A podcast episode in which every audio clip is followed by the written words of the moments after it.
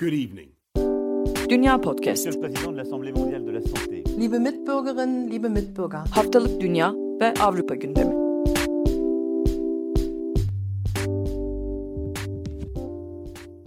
Dünya Podcast'ten herkese merhaba. Ben Seda Karatabanoğlu. Program partnerlerim Nida Dinçtürk ve Akın Alp'le birlikte geride bıraktığımız haftanın gündemini aktarmak üzere bir aradayız. Geçen hafta yoktum. Kendi kendime bir izin verdim. bir kafa tatili yaptım. O yüzden bu hafta programı ben açmak ve ilk olarak konuyu ben anlatmak istedim. E, tabii ki ilk olarak gündemimiz Covid ve Fransa'nın Covid'le mücadelesi ya da mücadele edememesi de diyebiliriz. Geçen hafta Nida İngiltere'de açılma önlemlerinin açıklanacağını duyurmuştu ve hafta içi günlük bültende bununla ilgili gelişmeleri aktarmıştık. Dünyadaki pek çok ülkede Türkiye dahil açılma önlemleri tartışırken Fransa'da tekrar e, kapanma gündemi var. E, iki bölgede yerel olarak konfinman ilan edildi. Yani karantina ilan edildi. Alpes Maritim bölgesi içinde Nice'i de Fransa'nın 5. büyük şehri ve turizm açısından çok önemli bir şehir olan Nice'in de olduğu Alpe Maritim bölgesi ve e, Dunkirk bölgesinde iki hafta boyunca hafta sonları karantina ilan edildi. Cuma akşamı saat 18'den pazartesi sabah 06'ya kadar geçerli olacak. Daha önce her iki ulusal karantinada olduğu gibi dışarı çıkmak için gerekli evrakların ve uygun koşulların olmuş olması gerekiyor.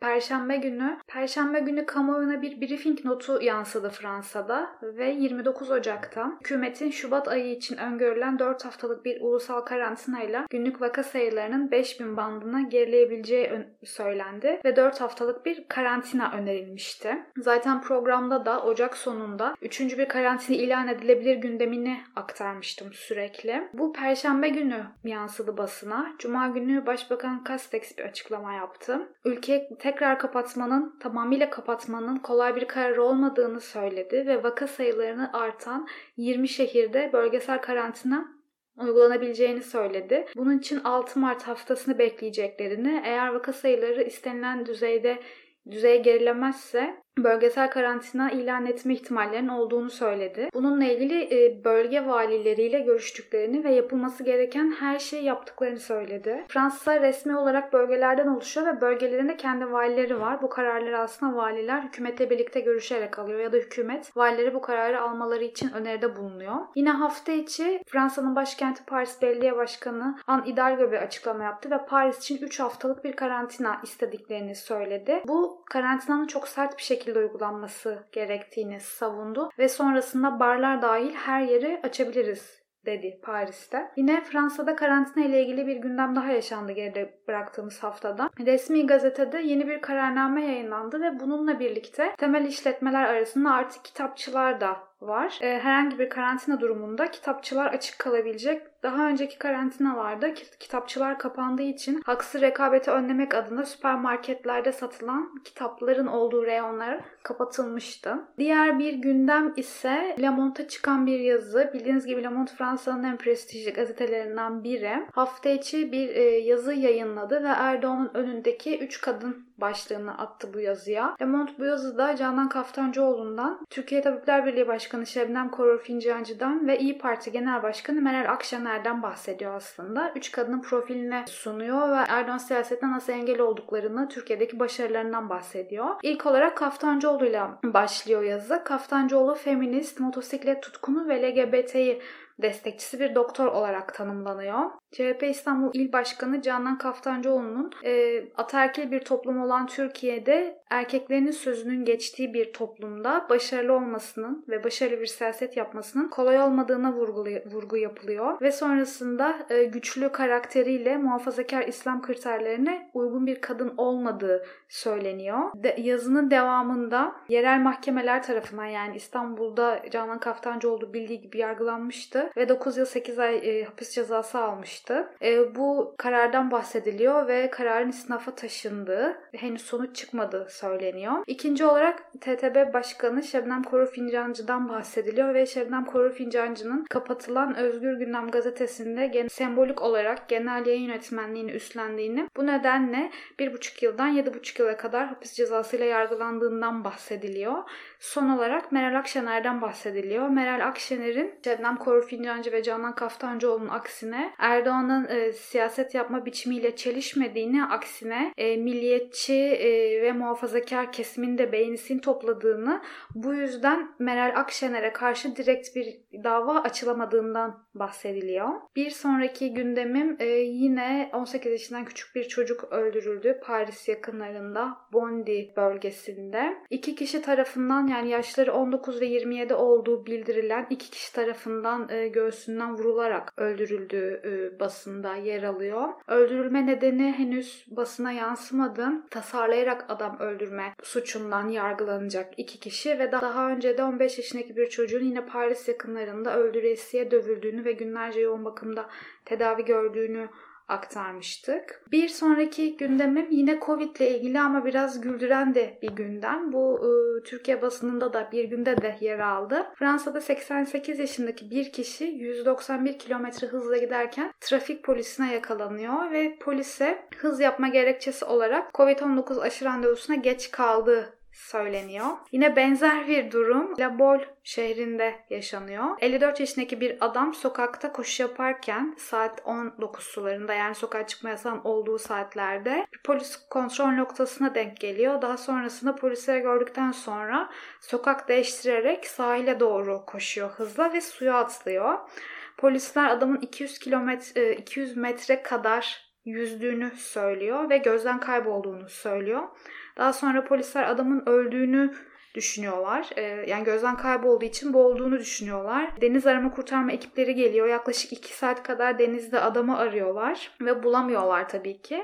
Daha sonra suya atlayan adamın eşi polisleri arıyor ve kocasının evde olduğunu söylüyor. Olaydan haberi olduğunu aktarıyor ve arama yapmamalarını istiyor kadın. Gene de sorumlu bir vatandaş ya. Polisi boşa yormamak için. Ya büyük ihtimal sen ne yaptın? Seni arıyorlar falan. Hani küçük de bir yer olduğu için hızlıca yayılmış da olabilir. Son... Cezayı yemiş mi peki Seda? Ona dair bilgi var Hemen mı? oraya geliyorum. Elbette yemiş. Daha sonra adamın triatlon antrenmanı yaptığı söylüyorlar ve sokağa çıkma cezası olan 135 euro para cezasına çarptırılıyor ve karakola götürülüyor. Çünkü yaptığı normal yani triatlonda evet koşarsın, denize atlar, yüzersin de kıyafetle atlamazsın ve polisten kaçarken atlamazsın. Sonrasında yazılmış güzel bir senaryo gibi geldi bana e, diyeyim ve sözü Akın'a bırakayım. Akın'da Covid gündeminin yanında küçük bir siyasi gündem de var.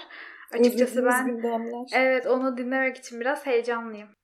evet evet yani kendini tekrar eden bir Covid gündemi var hem Almanya'da hem Avrupa'da ama aktarmasak da olmuyor. O yüzden mecburen belli köşe noktalarını en azından anlatmaya çalışalım. Şimdi Başbakan Angela Merkel Fatsa Frankfurter Allgemeine Zeitung'a bir röportaj verdi ve burada önemli açıklamalarda bulundu.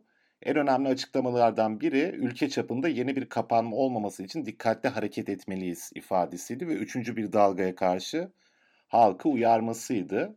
Fakat bir yandan da Almanya'nın bir açılış stratejisine sahip olması gerektiği zaten uzun süredir söyleniyordu. Bununla ilgili bir takım girişimler muhtemelen Mart ayından itibaren olacak. Akıllı bir açılış stratejisini hızlı testlerle gerçekleştirmek mümkün demiş. Bahsetmiştik daha önce Jens Spahn hızlı testleri, kişilerin kendi kendini test edebileceği ve eczaneden alabileceği testlere ulaşımı sağlayacağını söylemişti Almanya'nın. Haftada 7,5 ile 9,5 milyon kişiyi aşılamak için gerekli bir lojistik üzerinde konuştuklarını söylemiş Merkel. Bunu da aktarmıştık aslında daha önce. Mayıs ayı içerisinde böyle bir kapasiteye ulaşmayı umut ediyor Almanya ve AstraZeneca aşısı üzerindeki tartışmalarla ilgili de kısaca konuşmuş. Güvenli ve etkili bir aşı olduğunu söylemiş. Bir de anne fırçası atmış burada. Şimdiki gibi kıt e, aşı kaynağımız olduğu müddetçe hangi aşıyı olacağınızı seçemeyeceksiniz ifadesini kullanmış. Bununla birlikte olumlu bir gelişme de var. Yaşlılar arasındaki ölüm oranı azalmaya başlamış. Almanya yavaş başlasa da aşı çalışmalarına başlamıştı ve en yüksek risk grubu olan yaşlı 80 yaş üzerinden başlamıştı bildiğiniz gibi aşı çalışmalarına. Bunun sonucunda yapılan araştırmalara göre yaşlılar arasındaki ölüm oranları ciddi oranda azalmış. Robert Koch Enstitüsü örneğin şöyle bir istatistik paylaşmış. Aralık ayın son haftasında yaşamını yitiren 80 yaş üstü kişi sayısı 4000'di. Rakam 4 hafta içinde 2600'e kadar geriledi demiş. Yine bununla alakalı bir başka gelişme Uğur Şahin'in Spiegel'a verdiği bir e, röportaj var ve orada kullandığı ifadeler belki de dikkate değer. Yeterince insanın aşı olması durumunda koronavirüs salgını Almanya'da yaz sonuna doğru kontrol altına alınabilir demiş. Merkel de benzer açıklamalar yapıyordu öncesinde hatırlarsınız. Bu yeni enfeksiyonlar görülmeyecek demek değil demiş elbette. Ancak yeniden normal hayatımıza dönmemiz mümkün olabilir ifadesini kullanmış. Gelecekte insanlar yeni varyantlara karşı her iki yılda bir aşılanabilir demiş. Aynı gripte olduğu gibi bu durum normal hayatımızın bir parçası haline gelecek büyük ihtimalle demiş Uğur Şahin. Bir diğer gündem aslında Avrupa Birliği'ni bütün olarak ilgilendiren bir gündem. Aşı pasaportu konusu. Geçen hafta Perşembe günü e, AB liderleri arasında yapılan toplantının ardından Merkel bir açıklama yaptı ve bu açıklamaya göre Avrupa Birliği'nin önümüzdeki 3 ay içerisinde aşı pasaportu geliştirilmesi konusunda adım atabileceğini söyledi. Ancak şunu vurgulamış, bu önemli. Pasaportun seyahat konusunda tek kriter olup olmayacağı henüz belli değil. Çünkü aşı olan kişilerin hastalığı taşıyıp taşımadığına dair yeterince çalışma yok. Bununla ilgili çok az şey bildiğimiz için böyle bir e, adım atmanın şu aşamada mantıklı olmadığını söylemiş. Bununla ilgili etik tartışmalar da var bildiğiniz gibi. Yani belli bir toplamın hareket özgürlüğünün kısıtlanmasını sonuçta içeriyor böyle bir düzenleme. Alman Etik Konseyi de bu konu daha önce gündeme geldiğinde aktarmıştık burada da. Buna karşı çıkmıştı. Ama Alman haber ajansı DPA'nın araştırmasına göre Almanların %60'ı aşı pasaportuna olumlu bakıyor. Bu oldukça kayda değer bir rakam. %35'i karşıymış, %5'i kararsız. %44'ü herkese aşı verme, aşı olma fırsatı sunulduktan sonra bu pasaportun gelmesinden yana. Yani 2-3 ay sonra sunulduğu takdirde biz zaten örneğin aşı olamayacağımız için bunun bir anlamı kalmayacak çünkü. Merkel de duruma sıcak bakıyor diyor Alman basını bu öneriye. Fakat herkese aşı olma fırsatı tanındıktan sonra o da böyle bir uygulamaya gidilebileceğini sinyalini vermiş. Yine Fatsa verdiği röportajda eğer yeterli sayıda insana aşı olma şansı tanıdıktan sonra bir kısmı aşı olmayı reddederse mekanları sadece aşı olanların ulaşabileceği şekilde açmayı tartışmamız gerekebilir demiş. Bu yaklaşıma dediğim gibi eleştiriler de var ve Alman Etik Konseyi'nin de buna karşı bir görüş bildirdiğini tekrar etmiş olayım. Gelelim siyasi gündemimize. Bildiğiniz gibi bu sene seçim senesi Almanya'da. Bununla alakalı olarak hem partilerin liderlerini seçtikleri kongreler var, hem başbakan adayı olarak kimi belirleyeceklerine dair çeşitli tartışmalar ve bu yönde seçimler var. Bugün yani 27 Şubat günü Sol Parti kongresini gerçekleştirdi ve partinin eş başkanlığına Hessen eyaletinde Meclis Grup Başkan Vekilliği görevini yürüten Janin Wisla ve Türingen örgütü başkanı Suzan Henik Verzov seçildiler. E, Wisla delegelerin %84.2'sinin oyunu aldı. Oldukça yüksek bir rakam. E, Verzov da %70.5 oranında oy aldı. Verzov'u şuradan hatırlayabilir bazı Almanya siyasetini takip eden dinleyicilerimiz. Daha önce Thüringen'da biliyorsunuz AFD'nin de desteğiyle Liberal Parti'den Thomas Kemmerich başkan seçilmişti ve büyük bir skandal olmuştu. Daha sonra yeniden Ramelo başkan oldu. Fakat o AFD desteğiyle ve çok az oyla aslında seçilen başkan büyük bir skandal yaratmıştı. Sol partiye karşı birlik olan partilerin aldığı tavır. E, Verzov'da Kemerich'in tebrik edildiği törende işte herkes elini sıkarken bir buket çiçekle Kemerich'in karşısına geçmiş sonra çiçeği ayaklarının dibine fırlatmış ve elini sıkmadan devam etmişti. Bu fotoğraf karesi de oldukça gündem olmuştu Alman basınında. Fakat gözler büyük oranda Wizda'nın üzerinde diğer eş başkanın. Neden? Çünkü kendisi ana akım basın tarafından tabii ki bunlar göreceli kavramlar radikal bir figür olarak değerlendiriliyor. Kendisi Marx 21 adlı bir grupla yakın Dilinke içerisinde. Marx 21'de Troçkist bir grup. Yine ana akıma göre radikal bir grup. Annesi 70'lerde Komünist Parti içinde aktif olan bir kişiymiş. Daha sonra Yeşillere meyletmiş. Kendisi Frankfurt Goethe Üniversitesi'nde okumuş vesaire. Yani hem aile kültürü olarak hem sonrasında kendi kişisel hayatında oldukça sol bir damardan beslenerek büyümüş. Sol Parti'nin şu an potansiyelinin çok altında bir kitleye ulaştığını söylemiş. Şu an %7-8 civarında bir oy alıyor Sol Parti. Korona pandemisinin zengini daha zengin, yoksulu daha yoksul yaptığını söylemiş ve toplumu radikal bir şekilde değiştirmemiz lazım demiş. Şöyle de bir metafor kullanmış. O çok e, gündeme geldi. Mesele pastadan daha büyük pay almak değil, mesele bir bütün, mesele pastanenin kendisi ifadesini kullanmış konuşmasında. Ee, önceki başkanlar Katya Kepik ve Bert Riksenga partinin olası koalisyonlar içerisinde olmasına daha sıcak bakan bir isimdi. Ee, Vizda'nın aksi bir tutum alacağı yönünde bir e, tahmin vardı. Fakat ben Tagesschau'da çıkan bir röportajını okudum Vizda'nın. SPD ile koalisyon mümkün mü sorusunda kapıyı tamamen kapatmamış ama daha ilkeli ve katı davranacaklarına dair bir takım ipuçları vermiş. İlkelerimiz doğrultusunda bir anlaşma sağlandığı takdirde elbette SPD ile bir koalisyon veya başka türlü bir ortaklık mümkün olabilir demiş. Fakat bahsettiği ilkeler Almanya'nın örneğin Afganistan gibi dış operasyonlara asker yollamayı durdurması, silah ihracatını durdurması, Alman ordusunun küçültülmesi gibi talepleri de kapsıyor. Dolayısıyla SPD açısından herhalde bu talepleri karşılamak çok da mümkün olmaz. O yüzden biraz daha zorlaştığını SPD ve Sol Parti arasındaki bir koalisyonun söylemek mümkün. Ee, SPD iktidar ortağı biz muhalefetteyiz. Her gün birbirimizle dalaşıyor falan da değiliz demiş. Ama politik farklılıklarımız var. Partiler arasında farkı belirginleştirmemiz gerekiyor. Bu demokrasinin temellerinden biri. Diğer partilerle beraber çalışmak veya çalışmamak dünyanın sonu değil ifadesini kullanmış. Yani beklememiz gereken Sol Parti'nin kendi ilkelerini biraz daha sivrilteceği ve belki de bu coşkulu açıklamalardan anladığımız e, biraz daha aktif bir e, siyaset yürütebileceği. Fakat koalisyonlar konusunda kapı kapatılmamakla birlikte ilkelerin belirginleştirilmesi sebebiyle bir takım zorluklar görmek mümkün olabilir Alman siyasetinde. Alman iç siyaseti konuşmaya başlayınca benim yine çenem düştü. Çok fazla uzatmadan ben sözü İngiltere'ye ve Nida'ya vereyim. Peki aslında biz e, ne kadar politika haberleri sıkıcı olsa da Covid'den farklı bir şey dinlediğimiz için mutluyduk ama teşekkür ederim. Ben e, gene Covid bağlantılı gelişmeler aktaracağım. Çünkü İngiltere'nin gündeminde şu sıralar başka bir şey ilgi çekmiyor. Haliyle öne de çıkmıyor. Ama eğer vakit kalırsa e, programın sonuna doğru size biraz kraliyet e, haberi vererek belki bir tık.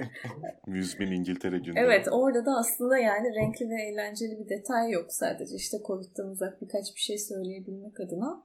Bugün Kaptan Sir Tom Moore'un e, cenaze töreni vardı. Hatırlayacağınız gibi Şubat Daha ayında. yeni mi? Evet.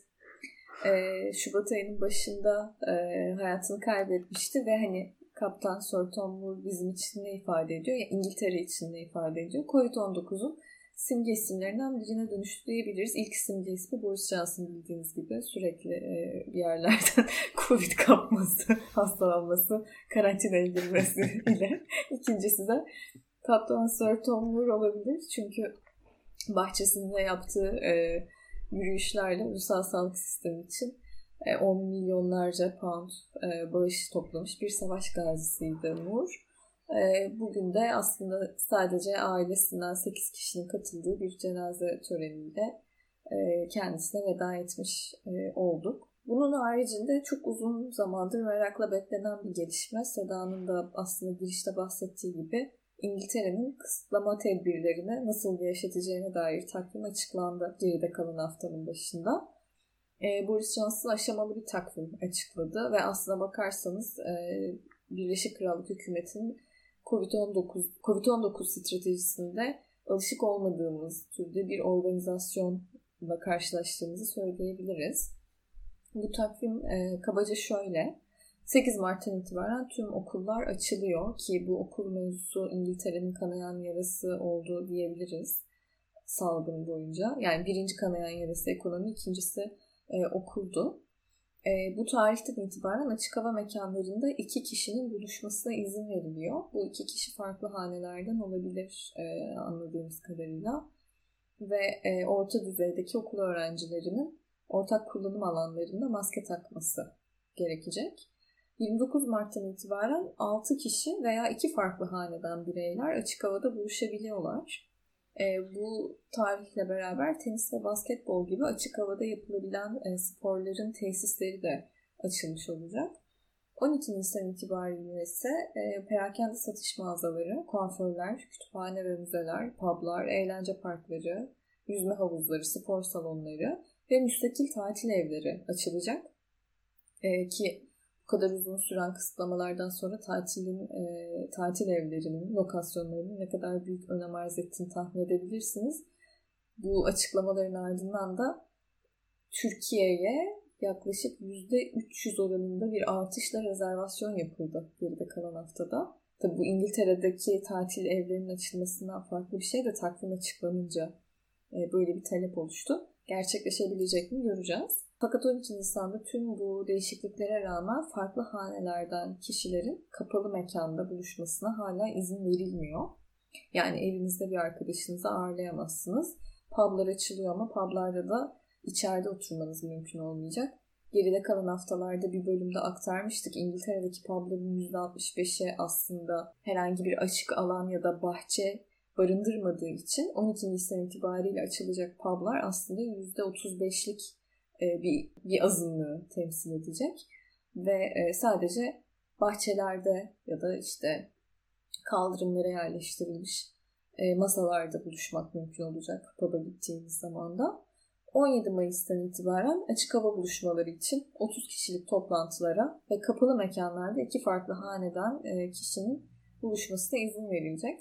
17 Mayıs itibariyle aslında düğünlerin küçük de olsa şimdiye oranla daha mümkün bir kalabalıkta gerçekleşebileceğini söyleyebiliriz ki İngiltere'de e, birçok noktada özellikle Londra'da düğün rezervasyonları da dolmuş vaziyette.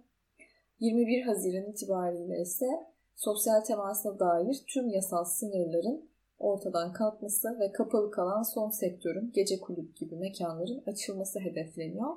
Tabii bir taraftan bu takvim yine de iddialı bulunuyor. Gerçekçi olup olmayacağını zaman gösterecek. Başbakan Boris Johnson nitekim bu planı açıklarken ihtiyatlı ama geri döndürülemez olmayı amaçladığını, yine de bütün kararların tarihlerle değil verilerle yönlendirileceğini söyledi. Yani aslında bir tık esneme payı bıraktı da diyebiliriz geride kalan dönemde oldukça iddialı açıklamalarda bulunmuş ve e, o iddialı açıklamalardan geri adım atmak zorunda kalmıştı. Bu yeni takvimle beraber ekonomik yardımlar ne olacak sorusu hemen gündeme geldi. Ekonomi Bakanı Rishi Sunak önümüzdeki günlerde 3 Mart çarşamba günü aslında e, yeni bütçeyi açıklayacak.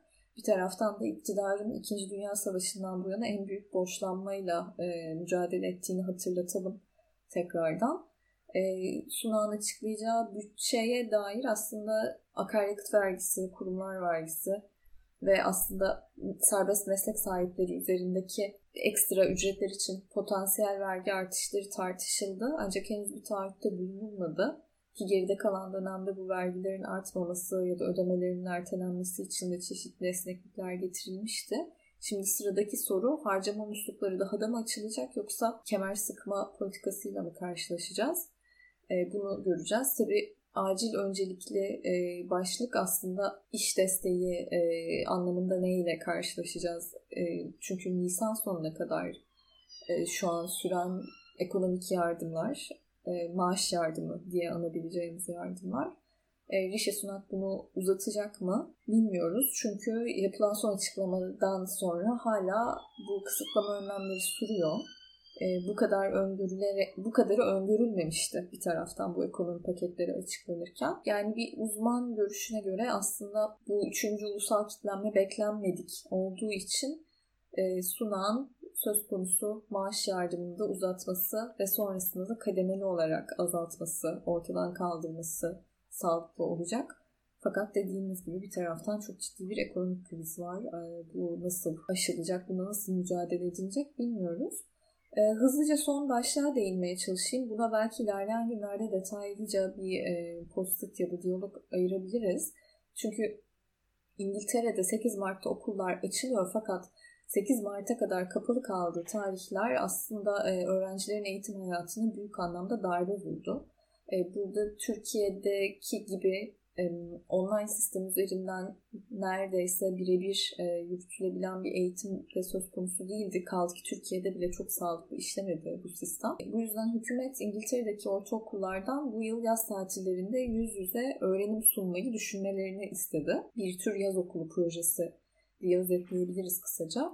E, pek çok çocuk okulların kapanması yüzünden aylarca sınıfta yüz yüze eğitim fırsatını kaçırdı. Hükümet tarafından bunun için yaklaşık 720 milyon sterlinlik bir paket e, açıklanacak. Öğretmen sendikaları daha fazlasına ihtiyaç olduğunu söylüyor. Fakat şu an için anılan paketin e, büyüklüğü bu. E, hükümet özellikle bu yıl 7. sınıfta okuyan çocuklar olmak üzere ihtiyacı olan öğrencilere yaz sınıflarını finanse etmek için ortaokullara 200 milyon sterlin sağlayacak. Yani bu 720 milyonluk paket aslında çeşitli e, programlara bölünecek. Education Endowment Foundation'a göre ise küçük gruplara liderlik eden nitelikli öğretmenlerin bulunduğu yaz okulları e, çocukların 4 aya kadar akademik ilerleme kaydetmelerine yardımcı olabilir.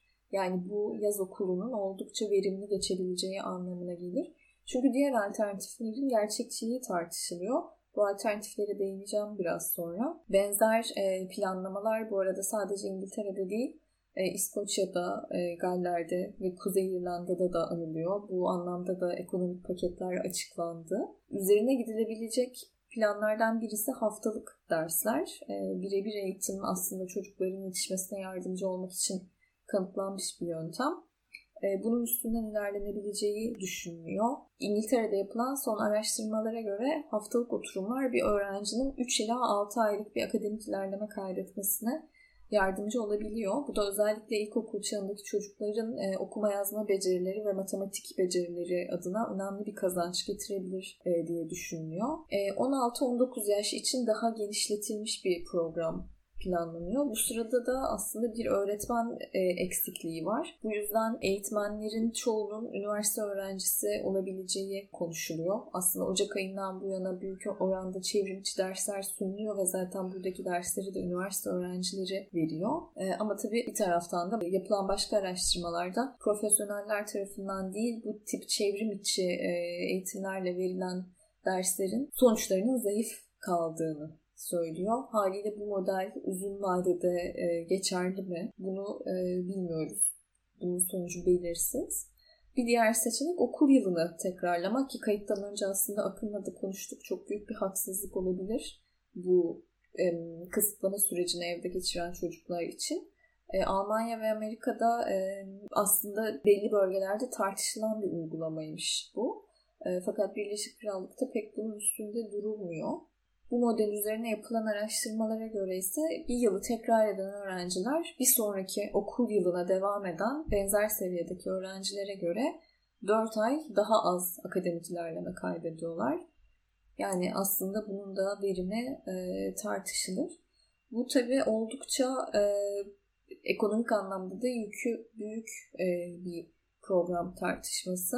Fakat her açıdan e, ihtiyaç duyulduğu da bir gerçek. E, hükümetin aslında en önemsediği başlıklardan birisi bu eğitim meselesi.